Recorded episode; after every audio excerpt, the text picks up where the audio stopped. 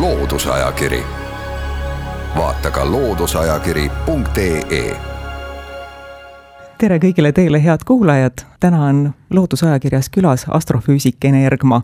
tere tulemast Kuku raadio stuudiosse! tere! mina olen saatejuht Tiia Rööp. ajakirja Horisont neljandas numbris, see on suvine number, juuli-augusti number, on teil artikkel Neutrontähed raadiopulsaritest ämblikeni. tahtsin pärida neutrontähtede tekkimise kohta, kas nad tekivad ainult supernoovade plahvatuses? no faktiliselt jah, see on kõige, kõige loogilisem, see tema tee, ütleme, et ta tekib supernova plahvatus, on võimalus ka, et nad tekivad niisuguses vaikses supernova plahvatuses, tähendab, nad kollapseeruvad. Ilma selleta, et nad viskaks väga palju ainet välja, see on, ütleme, üks eh, supernoovad, mida nimetatakse üks A, tähendab, mis on siis valge kääbus, võib kokku kukkuda tänu sellele ja võib-olla tema siis see plahvatus on niivõrd nõrk, et me seda ei nähta selleks, et me näeksime seda supernova plahvatust, meil peab olema küllaltki suur väline kiht. massiivse tähe sees tekib raudtuum, see on umbes üks, üks koma viis päikesemassi, niisugune pisike raudtuum, vot see kollapseerub. ja ta viskab selle, see energia, mida siis saab selle kollapsi tõttu, et ta kukub kokku, see, see siis viskab selle välise kesta välja. Aga põhiliselt jah, et neutrontähed tekivad, ütleme võivad tekkida ka niimoodi, et niisugune vaikselt, et sul toimub agressioonis, tähendab, tal voolab teise tähe pealt üle aine ja siis kukub kokku, võib tekkida ka neutrontäht. seal on väga palju niisugust äh, veel väga keerulised probleemid, isegi praeguste ütleme, suurte võimalustega, arvutivõimalustega on seda väga raske rehkendada, sest äh, jällegi me oleme me teame, et me võime lihtsalt seletada ära, aga kui sa tahad juba detailidesse minna, siis on niimoodi, et mõnikord no lihtsalt võib-olla me ei jaga midagi ära või me ei oska arvestada mõningaid faktoreid, no näiteks, et kuidas mõjuvad tähtede magnetväljad ja kuidas pöörlemine ja, ja kõike seda, kui te hakkate seda sinna kõike juurde panema, siis te peate juba kasutama näiteks kolmemõõtmelist magnethüdrodünaamikat, mis on õppa kui keeruline just keeruline seda, et sa, sa võid sellest ilusti rääkida, aga sul on keeruline sellest, et seda rehkendada, sa pead rehkendama nädalaid. pealekauba jällegi me oleme suure probleemi ees, on ikkagi probleem on selles, et tavaliselt, kui me mitmemõõtmeliselt juba ütleme niisugused lähme üle ja eriti, kus muutuvad väga suurtes piirkondades nii temperatuur kui ka tihedus, see tähendab, et te peate panema sinna kõik, kogu füüsika peaaegu sisse lükkama sinna.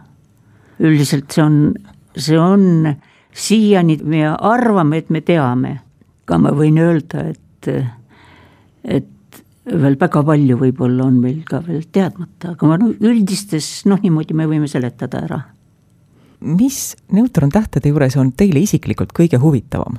mis minul on noh, kõige huvitavam, no esiteks, kui ma hakkasin sellega tegelema, minul meeldisid väga neutrontähed. vaadake, kui nad on kaksiktähtede süsteemis, noh, kõrval on teine täht, näiteks meie päike ja hakkab aine üle voolama neutrontähe peale, siis ta muutub väga eredaks röntgenallikaks. sellepärast, et neutrontähe suurus on, kujutage pilti, kümme kilomeetrit on tema raadius kui kaugel siin kümme kilomeetrit on, no ma arvan pool teed Pangotini. jah. nii, saate aru, ja võtke nüüd siis neutrontäht ja võt-, lööge sinna sisse äh, näiteks meie päike, päikesemass. ei kujuta ette. kümme astmes kolmkümmend kolm grammi on meie päikesemass umbes ja võtke kümme kilomeetrit raadiust ja pange sinna sisse, siis te saate aru, kui, kui pisike ja kompaktne ta on. temal on gravitatsiooniväli on väga tugev ja kui nüüd üks gramm tavalist ainet üks gramm ainult, täitsa tavalist ainet, sealt teiselt tähelt kukub selle neutrontähe peale, siis eraldub energia umbes kümme astmes kakskümmend, kümme astmes kakskümmend, ergi grammi kohta. Ja see on niivõrd tugev ja seal sellest, kuna ta ei saa otse langeda, ta hakkab langema läbi ketta ja kettas on temperatuur tõuseb seal kuskil saja miljoni kraadi peale. Ja see hakkab siis kiirgama kogu seda, seda suurt energiat kiiratakse röntgenpiirkonnas näiteks need esimesed eredad röntgenallikad, nende eredus oli kümme tuhat korda suurem kui päikese heledus, meie päikese, kümme tuhat korda ainult. ja teiseks, ja mis siis tekib veel, aga see aine, mis langeb siis neutrontähe pinnale, tal on seal vesinikku ja heeliumi nii edasi ja ta surutakse väga kiiresti kokku ja siis toimub seal termotuuma plahvatus. Vesinik hakkab seal põlema, heelium koos vesiniku põleb väga niisugusel plahvatuslikul viisil ja neid nimetati siis eh, röntgenparsteriteks, no see ei ole ilus nimi, aga no inglise keeles sõnast burst pandi nimeks. Need olid esimesed neutrontähed, mis minule hakkasid meeldima väga, sest need olid väga, väga hea oli neid hinnata väga lihtsal viisil, nagu ma ütlesin, sa väga harva saad, kui sa võd, tõmbad koore ära. Alles tekkisid ja siis äkki sa jagasid ära, et sa võid seda teha väga lihtsalt ma paar tööd olen teinud ainult kasutades pliiatsit ja pisikest arvutit. aga pärast, kui sa tahad juba täpsemalt minna, tähendab kõike tegema, siis sa saad aru, et siis sa oled jällegi nii au, au, kuidas sa kõike seda hakkad rehkendama, sest seal on jällegi nii ekstremaalsed tingimused, ekstremaalsed asjad. seal on sul vaja rehkendada kogu termotuumaprotsessid, kus olid tohutult palju erinevaid eh, tuumasid ja pealekauba on temperatuurid nii kõrged, et nad on kõik hoopis teistes olukordades. Ja maa peal ei saa iialgi seda situatsiooni uurida.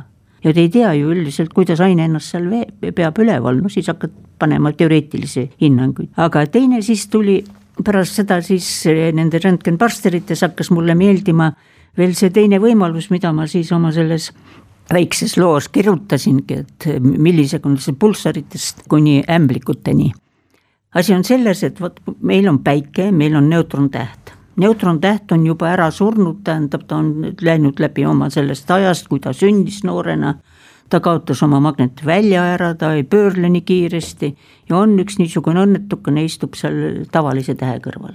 tähel hakkas väga temast kahju ja hakkas talle üle kandma siis ainet no siis oli see faas, kui ta on röntgenallikas, ilus röntgenallikas, neutrontäht on juba, muutub tähtsaks, seepärast et nähakse ju teda, aga mitte seda pisikest õnnetut kõrval olevat. Need pisikesed mõrnetud kõrval olevad avastati siis, kui meil oli neutrontäht röntgenallikana avastatud ja kui ta veel, parsterid olid ka veel, siis, siis kõik vaatasid sinna ja siis vaatasid ka, et noh, kes seal kõrval on aga siis tekkis niimoodi, vaadake, seal kannatakse üle, ainel on ju liikumishulga moment, seepärast see on kaksiktähe süsteem, tema käib ühise massi keskme ümber ja, ja ilusti tuleb siis see peale. Ja see kiirendab selle neutrontähe ülesse ja ta kiirendab, kuna neutrontähel on väga väike magnetväli juba, ta on kaotanud oma magnetvälja, ta kiirendab teda kuni millisekundiliste perioodineni, millisekundised vau, kui tavaliselt pulssarid on kuskil seal sekundite piires ja nii edasi, aga need on millisekundised. siis hakkab see nendega väga-väga niisugune huvitav ja lõbus asi, mida meie siis juhuslikult hakkasime seda uurima, olid mõningad süsteemid, kus me saime aru, et seal peab midagi toimuma, kuna süsteemis on väga palju tavalist ainet. aga nüüd me teeme saatesse väikese pausi. loodusajakiri vaata ka looduseajakiri.ee.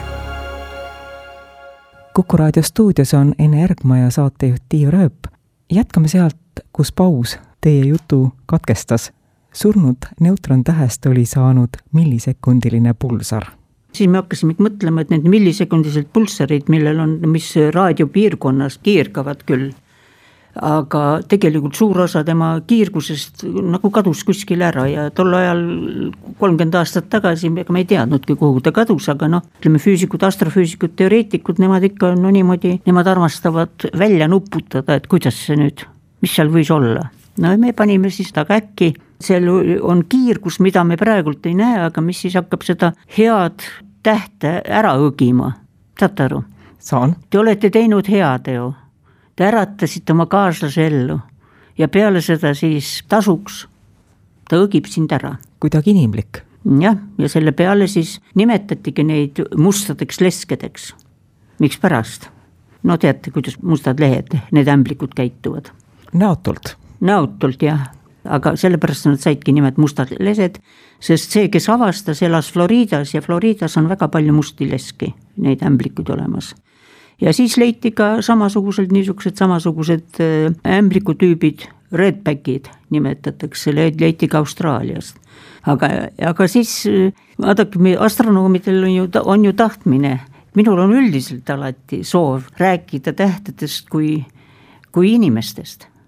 ainult noh, ajaliselt, me ei saa rääkida, vaadake, muidu tundub, et no, et mis me neist ikka räägime, et sest äh, me oleme nende jaoks, ma ei tea, isegi mitte hetk, mitte midagi. mitte midagi. jah, aga kui sa hakkad niimoodi mõtlema kõigepealt, kuidas ta sünnib, kuidas ta elab, kuidas tema noorus on, kuidas siis on ja kuidas lõppude lõpuks ta ikkagi noh, nagu öeldakse, lõpetab oma elu ja, ja see on ju täpselt käituks nii nagu, nagu ka inimeste juures on siis on päris vahva nende peale niimoodi mõelda, siis nad tunnevad kohe niimoodi, et nad on nagu sinuga lähedasemad. muidu sa võid hakata tundma selles suures ümbritsevas universumis nagu mingisugune noh, ma ei oska öeldagi, isegi sa ei ole tolmukübeke. kuigi, kas te teate ka, et tegelikult oleme me ju meie päikesesüsteemis tänu supernoovadele me oleme tekkinud, sest kui toimus suur pauk, siis tekkis ainult ju väga kergeid elemente, vesinik, heelium, liitium, beryllium ja nii edasi. aga minu teada me koosneme ikka millegist muust ja isegi praegu hingame ka ju midagi muud ja meie veres on mida, rauda ja tänu superloovadele oleme meie ka nagu ütleme, olemas. ja mulle hästi meeldis. Ma üldiselt armastan multifilme, mul on niisugune natuke omamoodi niisugune hobi, aga muidugi häid. Ja mulle meeldis eh, kuulus film Lion King. Ja kuidas siis vana lõvi õpetas oma väikest kutsikat, et vaata, et siin on elu suur ring on niisugune, et et, et kogu aeg toimib see suur ring ja siis väike kuts, kuts, kus, kus sa näed seda elu suurt ringi, et me ju sööme antiloope, mis ring siin on, aga vanamees ütles niimoodi, et vaata poeg, kui me sureme, meie kehast kasvab rohi ja mida söövad antiloobid? rohtu jah, ja see ongi see suur ring. ja eks ole, siis seal kosmose suur ring on muidugi hoopis teiste mastaabidega, aga ta on ka samasugune ja. jutust käib väga palju läbi sõna supernova. sõna supernova on inimestele tuttav, aga ma ei ole päris kindel, kas mõiste supernova, mis asi on supernova, on nii väga selge. mida astronoomid mõtlevad, kui nad ütlevad no, supernova? supernovad tõi, tähendab maailma valgusesse tõid hiinlased Nemad oma ürikutest olid esimesed, kes kirjutasid, et taevasse ilmus üks väga võimas, no Nova on ju uus, eks ole. ja super oli, siis ta oli ikkagi super. Ja seda tõid hiinlased ja, ja see, sellest hakkaski see supernoovadel tulema, aga tegelikult supernovad on tähesurm ja nagu alati, nagu ka inimesed kui ikka surevad väga tähtsad inimesed, eks ole, siis ikka pauku ja müra on ikka terve maailm täis ju, eks ole. on, teil on õigus. Noh, ja vaadake, ega siin on ka, ma ütlen, tähtede maailmas on ka selle, sellest, aga supernoovad on tõepoolest äh, tähtede surm, aga tähtede surm, mis siis omakorda võib panna täielikult uue käima, uue elutsükli jällegi. see on väga, väga huvitav on see. Vaadake, minul on alati meeldinud, ütleme see, selle, et ma olin tõesti õnnelik, et ma sattusin selle täheevolutsiooni ja evolutsiooni nende peale, sest see oli, see on umbes nii, et te panete kokku tohutu suure mosaiigi, te mitte midagi ei tea, kus nad peaksid olema, kuidas te saate need niimoodi, et sealt midagi tuleb ja, ja muidugi me ei tea veel oi kui palju, sest eh, astronoome on liiga vähe, tähti on liiga palju ja iga täht on isiksus me ei saa teha niimoodi, et nad on kõik ühesugused, nii nagu inimesedki. millest on ju praegult kõige suurem probleem on maailmas, on see, et oleks kõik inimesed ühesugused, siis oleks ju, meil oleks ju kõik meditsiiniliselt väga palju ju probleeme lahendatud, eks ole. Jah, jälle jääb ainult nõustuda teiega. jah tähtedega on täpselt samamoodi, oleks nad kõik ühesugused. kunagi naersime seda, et neid, kui avastatakse mingisugune uus tähegrupp, no sa ei jõua ju sada miljonit, tähendab, mida meie galaktikas on tähtedel, igaühte läbi uurida.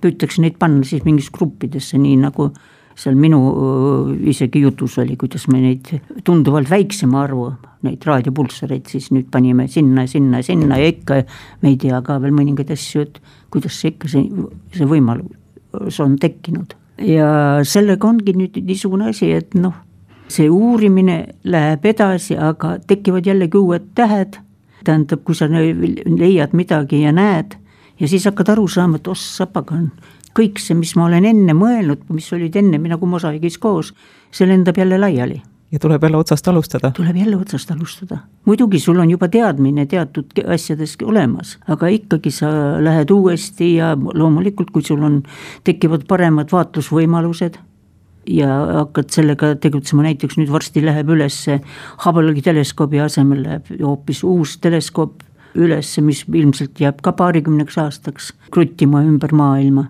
ja kindlalt sealt hakkab tulema ka andmeid. aga mis on kõige suurem probleem, on see, et neid andmeid on nii palju, et paljud lebavad suurtes hunnikutes ja neid ei ole ükski inimene läbi vaadanud.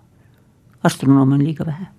see on nii põnev valdkond, miks seal on nii vähe inimesi? no teate, me peame õnnelikud olema, kui äh, leitakse isegi nii, nagu kunagi ütles, et, et maksumaksja on valmis maksma astronoomia eest midagi me ei ole ju võimelised midagi ju erilist rahvamajandusele kasu tooma, välja arvatud mõningad asjad.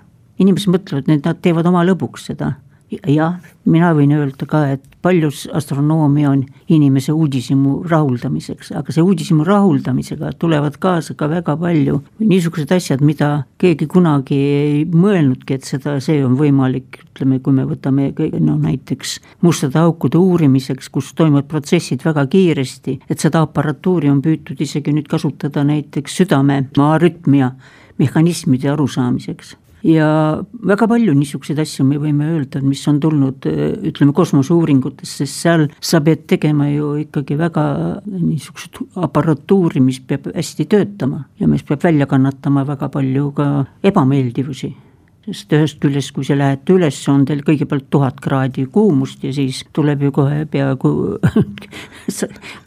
kaks, kakssada kraadi külma. sahmakas külma vett kohe selga. sahmakas külma vett peale, nii et, et loomulikult on väga põnev, ma ütlen ausalt ära, ärge lootkegi, et seal võib inimene rikkaks saada. sa saad seal rikkaks oma teadmiste pärast, sa saad rikkaks, et äkitselt sul on vedanud, sa võtsid mingisuguse pisikese osa teadmatusest ja sa võtsid seda ära, ära mõelda. aitäh, Ene Ergma, saatesse tulemast. neutrontähtedest saab lähemalt lugeda ajakirja Horisont juuli-augusti numbrist. loodusajakiri vaata ka looduseajakiri.ee